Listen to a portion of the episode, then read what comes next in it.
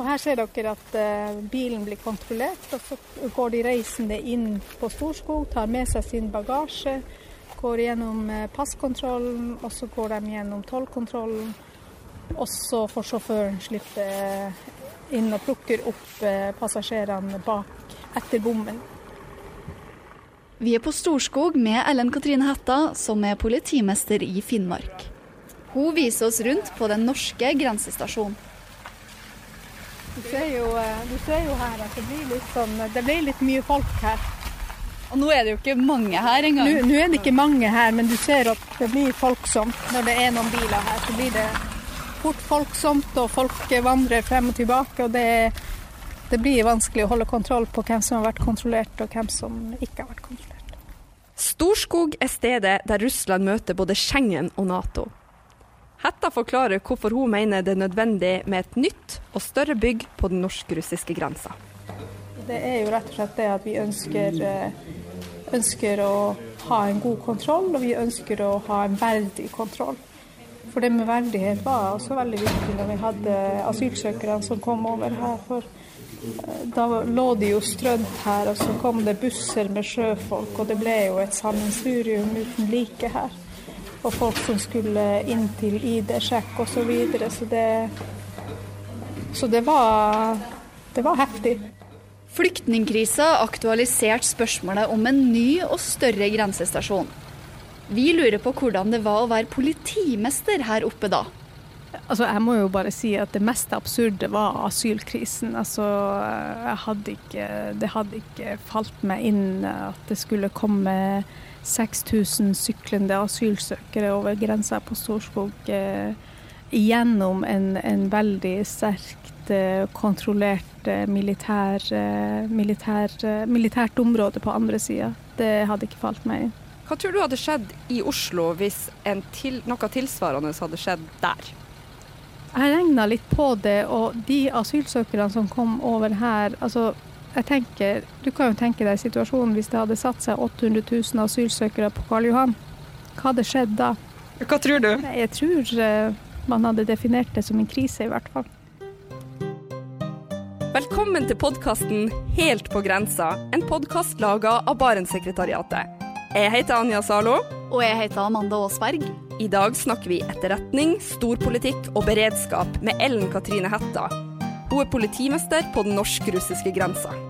Hva er ditt personlige forhold til grense? Eh, jeg vet ikke om jeg har noe forhold til grense. Eh, jeg har vel egentlig aldri tenkt på grenser som noe som skiller folk. Jeg har mer tenkt på grenser som noe som forener oss.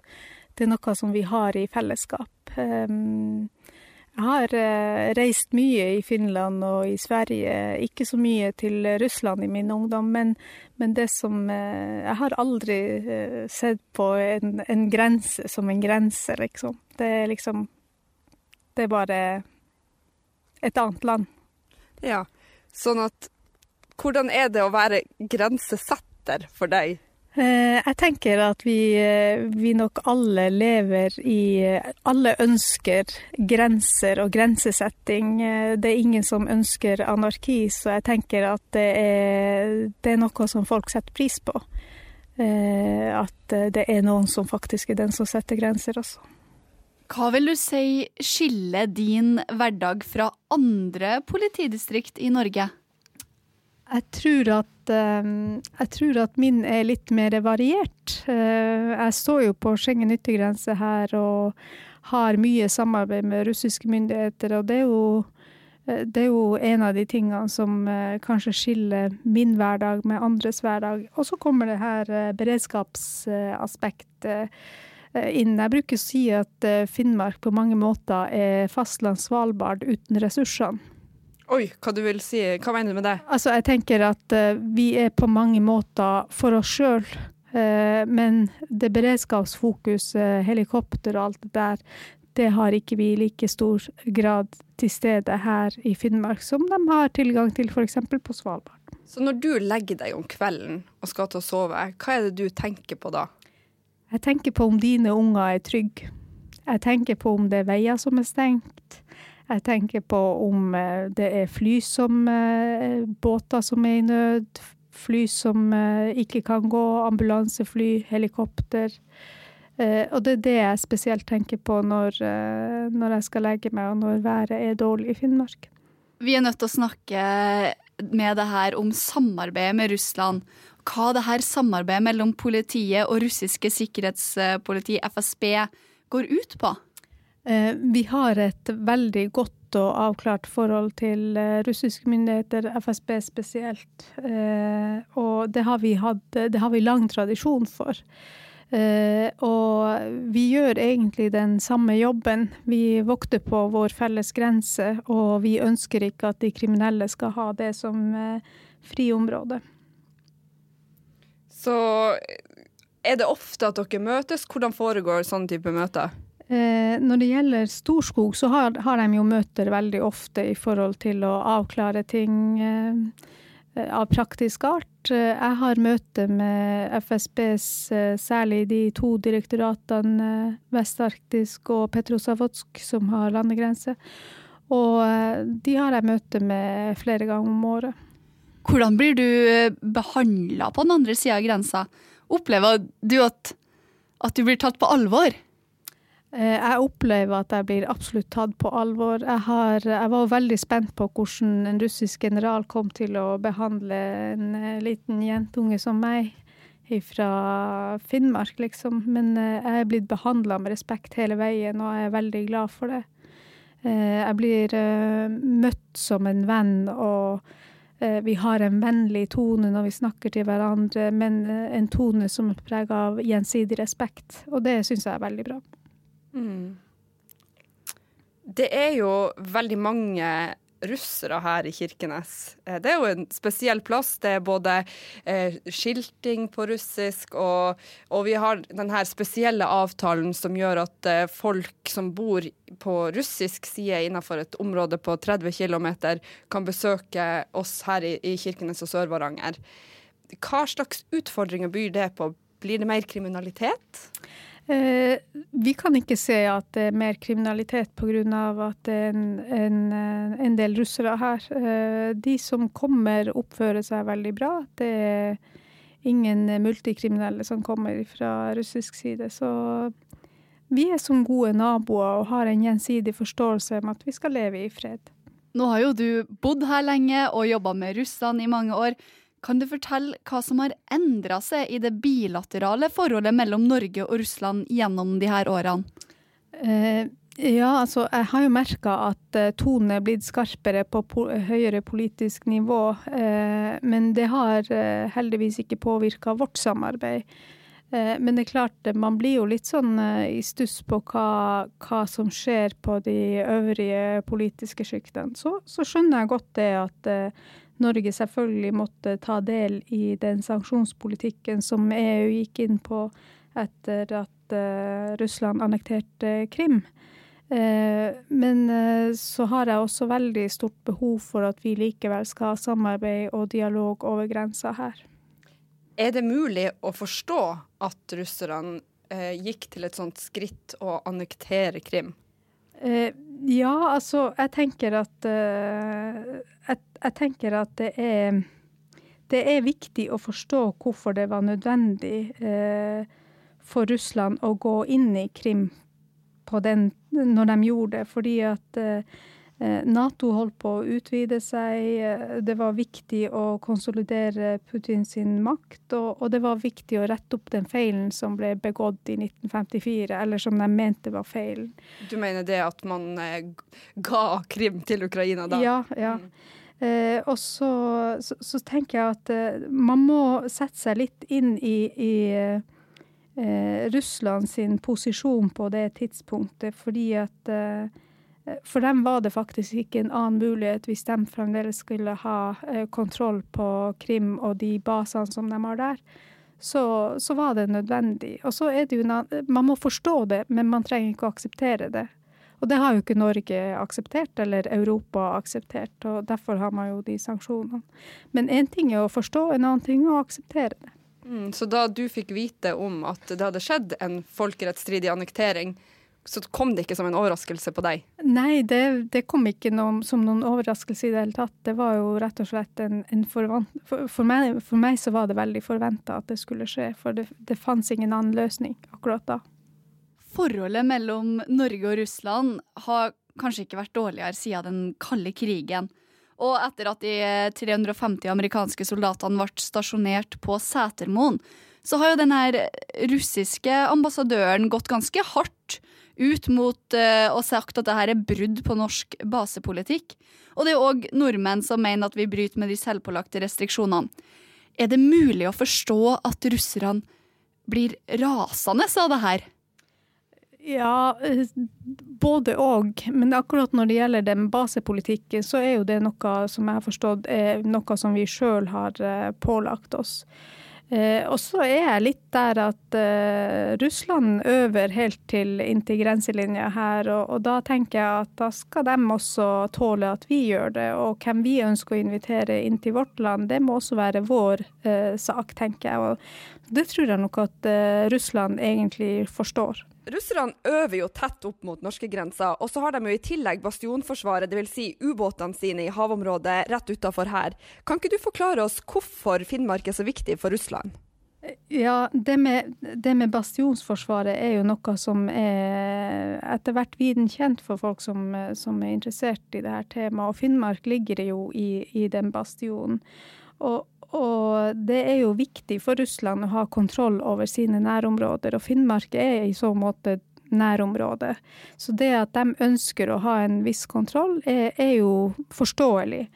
Eh, og derfor så tenker jeg at det er viktig å forstå hvorfor eh, Finnmark er viktig for Russlands forsvar. Eh, og så går jo, eh, går jo bastionen helt ned til eh, ned til um, Langt ned i Europa. Og så, og så, tenker jeg at vi må akseptere at sånn er det.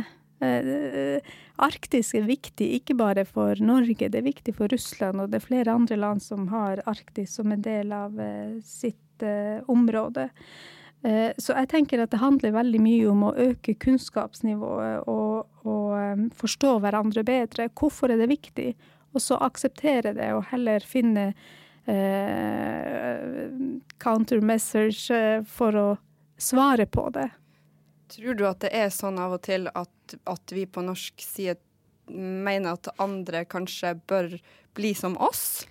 Ja, det er ikke bare i Norge, men jeg, jeg tror at det er en sånn vestlig trend som vi har, at vi gjerne gjerne ser på andre som vi ønsker at de skal være, og ikke som de er. Og jeg tror at i så måte så, så er jo de, de, norske verdiene med ytringsfrihet, demokrati, menneskerettigheter og pressefrihet uh, utrolig viktige verdier for oss. Men vi, vi må også akseptere at sånn er det ikke i alle land. At det er kanskje ikke ønskelig? Det er kanskje heller ikke ønskelig. Norge har jo satsa på å være en god Nato-alliert i tillegg til å fremme de vestlige verdiene.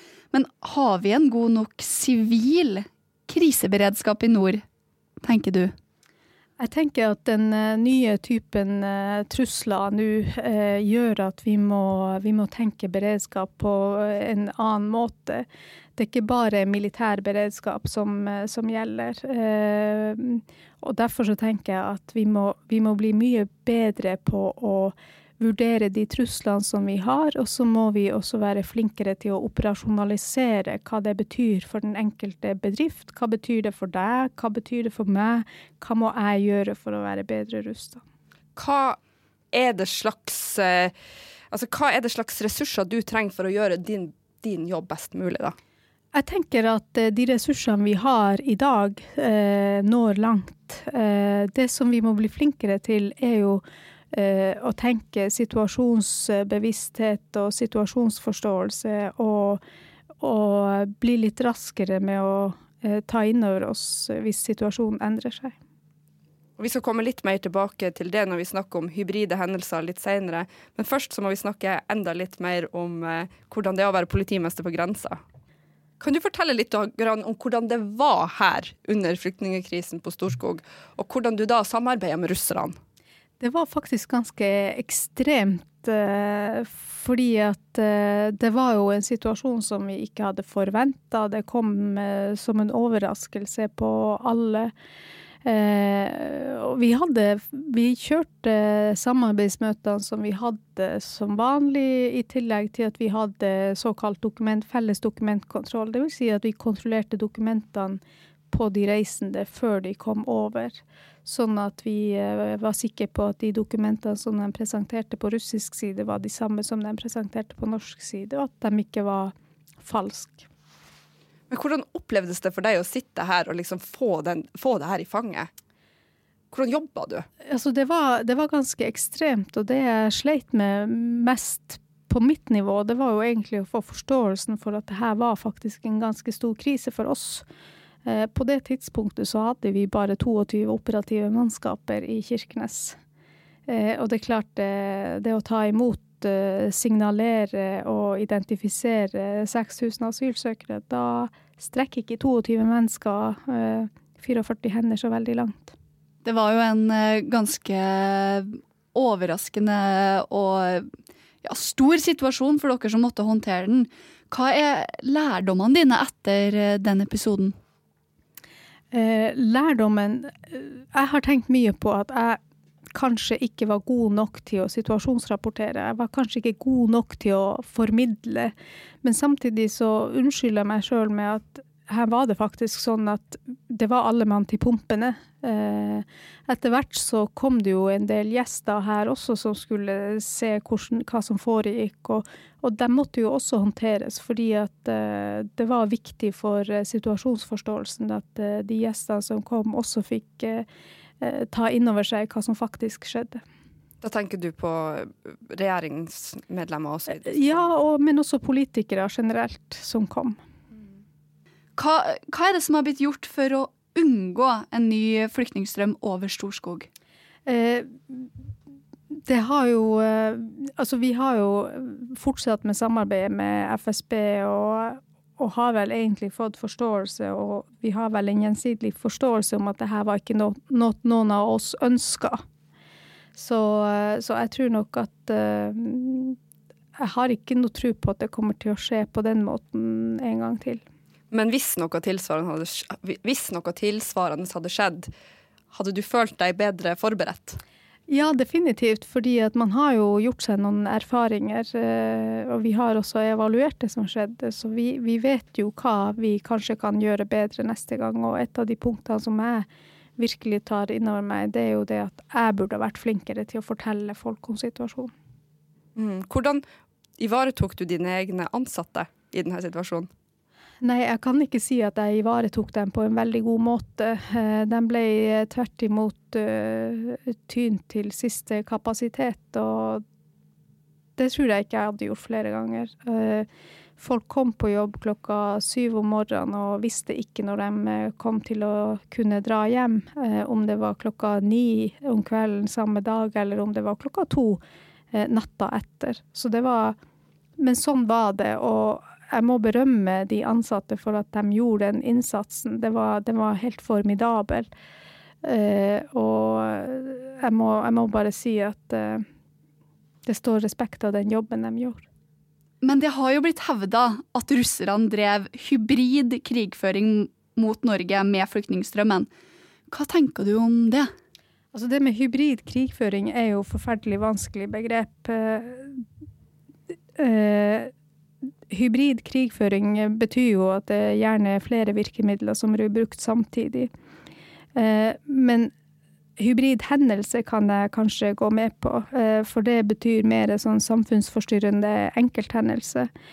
Eh, Nå tror jeg jo ikke at den asylkrisen på noen måte var styrt fra russiske myndigheter, men samtidig så må man være såpass realistisk at man forstår at den i hvert fall var, e, var egnet til å brukes som en observasjonspost på hvordan norske myndigheter håndterte det her. Hvem som gjorde hvilke beslutninger og hvilket regelverk vi satte i verk. Hva tror du de lærte da når de så det?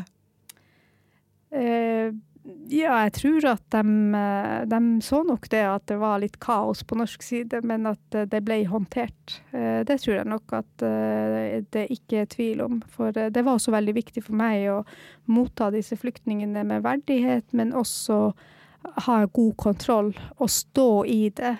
Jeg skulle Det var veldig viktig for meg å vise at det her kunne vi faktisk håndtere.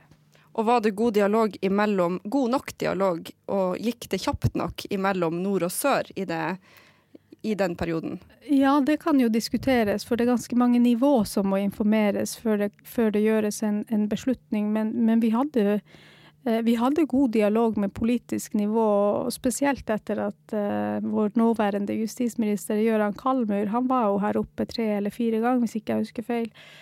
Eh, og han, eh, han, var til veldig støtte for oss. Han lytta til oss eh, og så de behovene som vi hadde i grensekontrollen. Det var vel òg han som var med på å få gjennom endringene i lovverket med tredjelandsforskriften. altså at man kan definere et tredjeland som trygt uten krav om at landet tilbyr asylprosess. Og på Storskog får man jo heller ikke behandla asylsøknaden sin eller oppnevnt advokat. Og vi trenger jo ikke gå inn på de etiske problemstillingene rundt det, men eh, han tok jo tak, da. For tok, å få det stoppa. Han tok tak fordi at han var jo her og med selvsyn fikk se hvem det var som kom.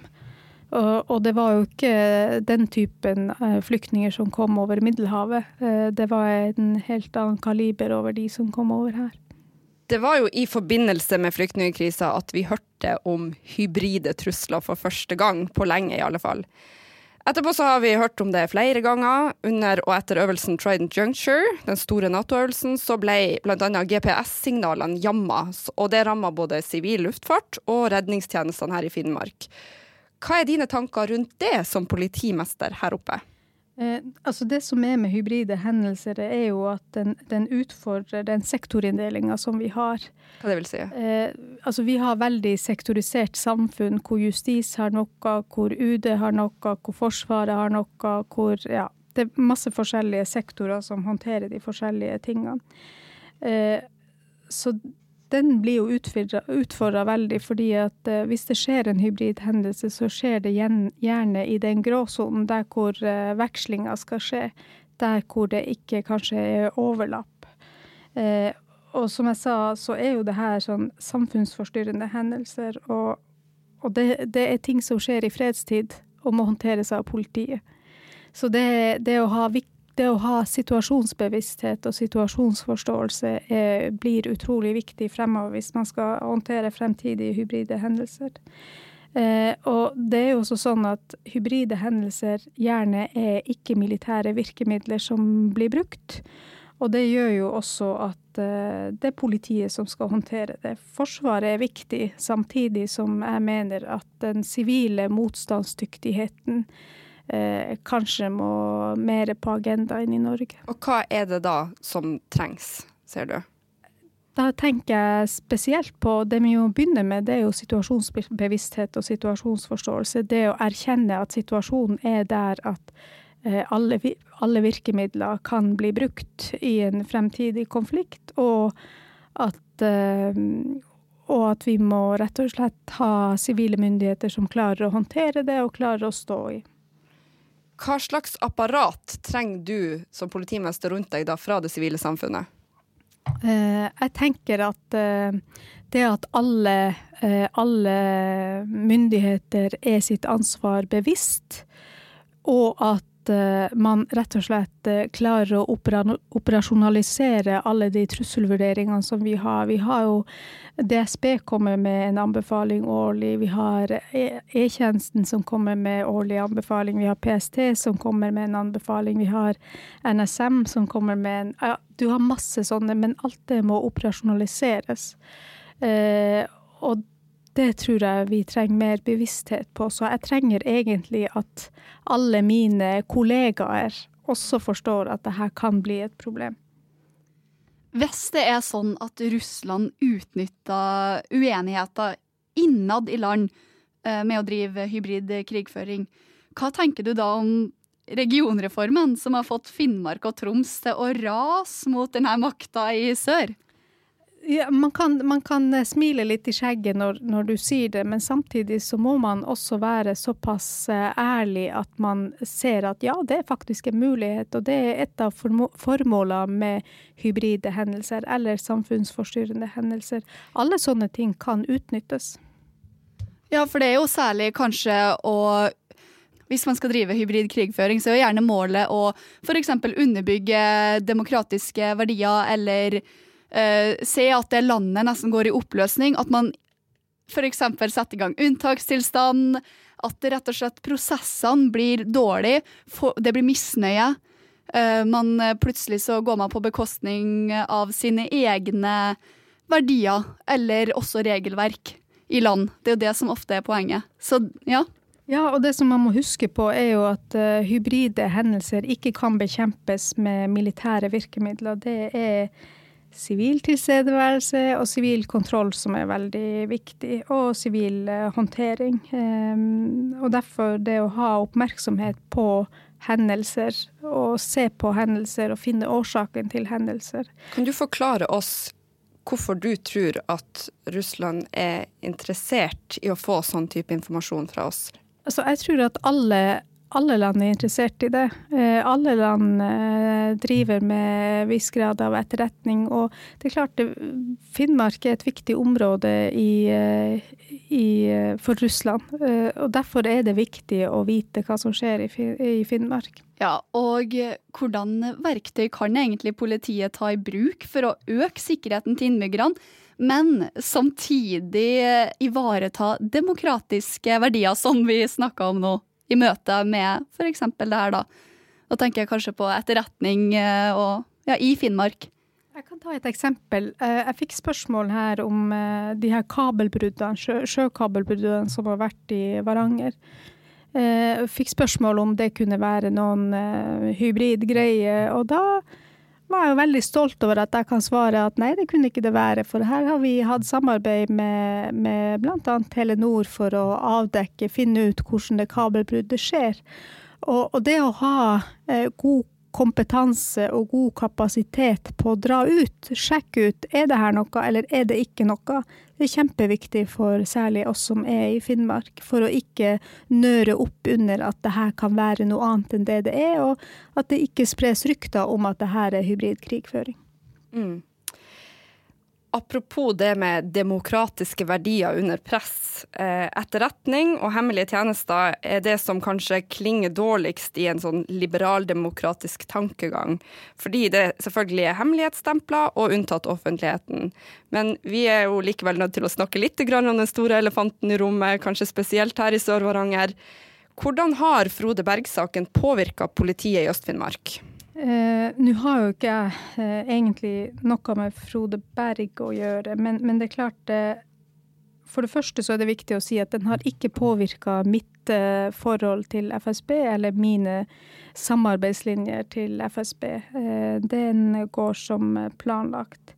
Men det er klart det, i kjølvannet av det her så oppstår det jo en del spekulasjoner på bl.a. hvordan mine ansatte jobber, og det er svært belastende. Det dukker opp eh, gamle historier fra den tida politiets overvåkningstjeneste drev med overvåking av borgere i Sør-Varanger. og og det er klart det, det er sånne historiske spøkelser som, som, dukker opp, og som vi ikke er tjent med at det graves i. Det har vært en en uh, grundig evaluering i Lund-kommisjonens rapport, og tjenesten ble endra etter det. Og da tenker jeg at da får vi legge den ballen død, og så får vi håndtere det som skjer i dag.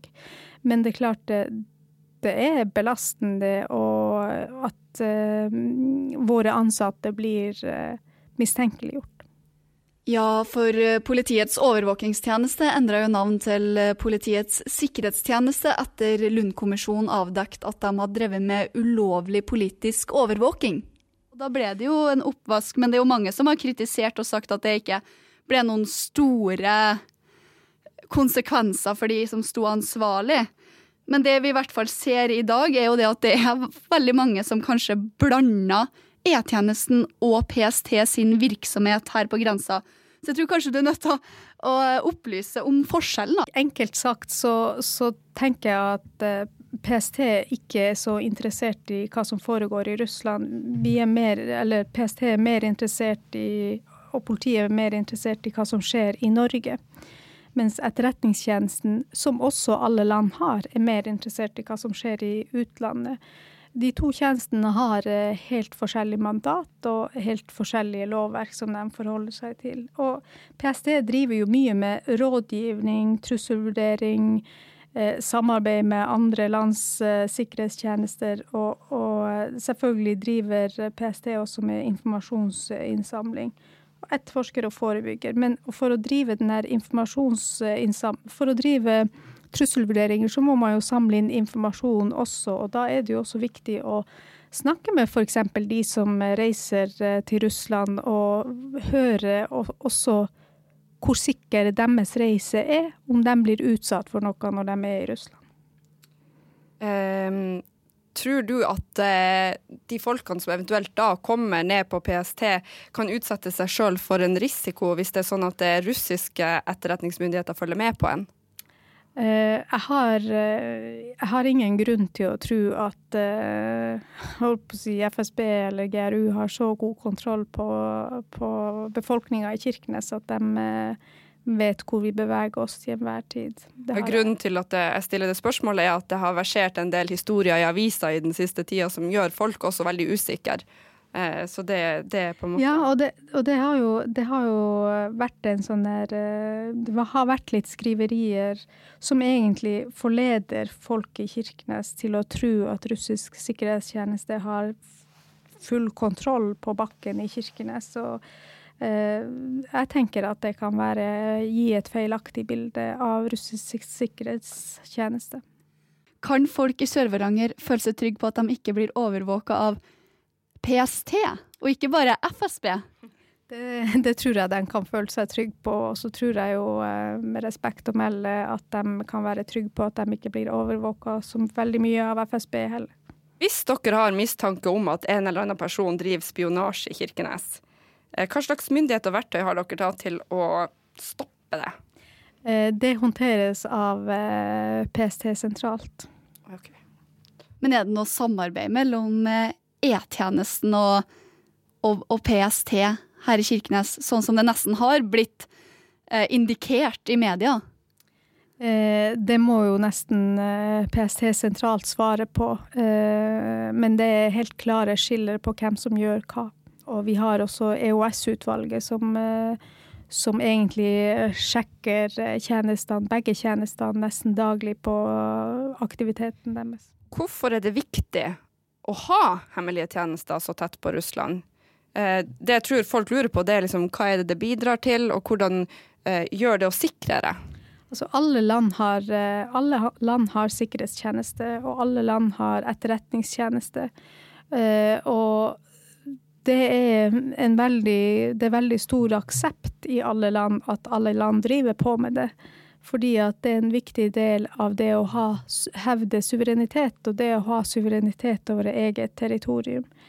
Eh, og så er det jo selvfølgelig det her med at eh, det blir sausa sammen hvem som gjør hva, og hva man egentlig gjør. Og jeg tror folk flest har Eh, ser mye på amerikanske filmer og tror at det er veldig amerikanske tilstander også i Norge, men det er det ikke. Alle de, både Etterretningstjenesten og, og PST, blir eh, grundig sjekka av EOS-utvalget eh, på daglig basis. EOS-utvalget e har jo blitt kritisert for at de ikke følger med godt nok eller får innsyn ofte nok. Når det er nevnt, så viser jo spørreundersøkelser at vanlige folk har ganske høy tillit til de hemmelige tjenestene i Norge. Men allikevel, i media kan det se ut som folk i Finnmark har lite tillit. Har du inntrykk av det? Jeg tror ikke det er det som nødvendigvis eh, står i avisa, er ikke nødvendigvis det den gjengse finnmarking tenker. For jeg tror, eh, som du sier, at finnmarkingene har egentlig tillit til også Etterretningstjenesten og PST. Er folk i Finnmark naive? Det vil jeg jo ikke si. Kanskje tvert imot. Kanskje tvert imot så er vi veldig påpasselige på at ikke vi blir forleda på noen måte. Eh, verken av eh, norske eller andre myndigheter. Mm. Ja, Vi eh, må jo snart runde av, men før det så må vi snakke litt om forholdet mellom nordmenn og russere i nord. Hvordan opplever du at forholdet er til Russland i nord kontra sør? Nå har jo ikke jeg bodd sørpå, men uh, vi har i hvert fall et veldig uh, godt forhold til uh, Russland. Det er mange, som, mange grenseboere, f.eks. her i Sør-Varanger, som reiser frem og tilbake. Mange i Finnmark har multivisum og reiser frem og tilbake, så jeg opplever vel egentlig at forholdet er godt og prega av gjensidig respekt. Det opplever jeg. Ja, så du føler at blir rådene dere gir til beslutningstakerne i Oslo, lytta til?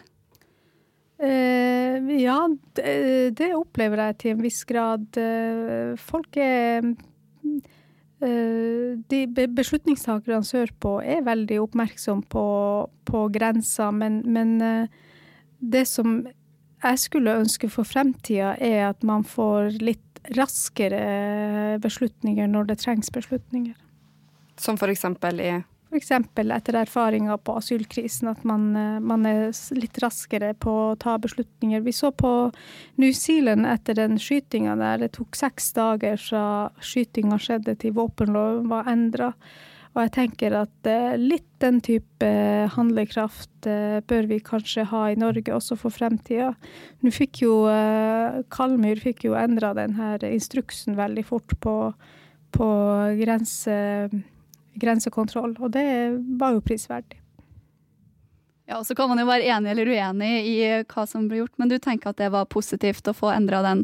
Ja, det var positivt, for det var det vi hadde behov for. Og nå tror jeg, tror jeg jo at det er veldig mange som eh, kanskje har misforstått hva forskriften egentlig tilsa. Men eh, men jeg tenker jo også at det var litt sånn i forhold til Russland. Eh, mange av de her brukte Russland som eh, transittland, og da tenker jeg at det, det er litt respektløst å, å, si at de da ikke overfor Russland, og si at eh, Russland ikke er godt nok for dem. Det har jo blitt kritisert veldig av NOAS og Helsingforskomiteen i den siste rapporten som kom nå for et par måneder siden, at Russland ikke er god nok for eh, flyktningene fordi at de uh, gir så få oppholdstillatelse. Og det er jo derfor kanskje at det blir kritisert når man får sånne nye endringer.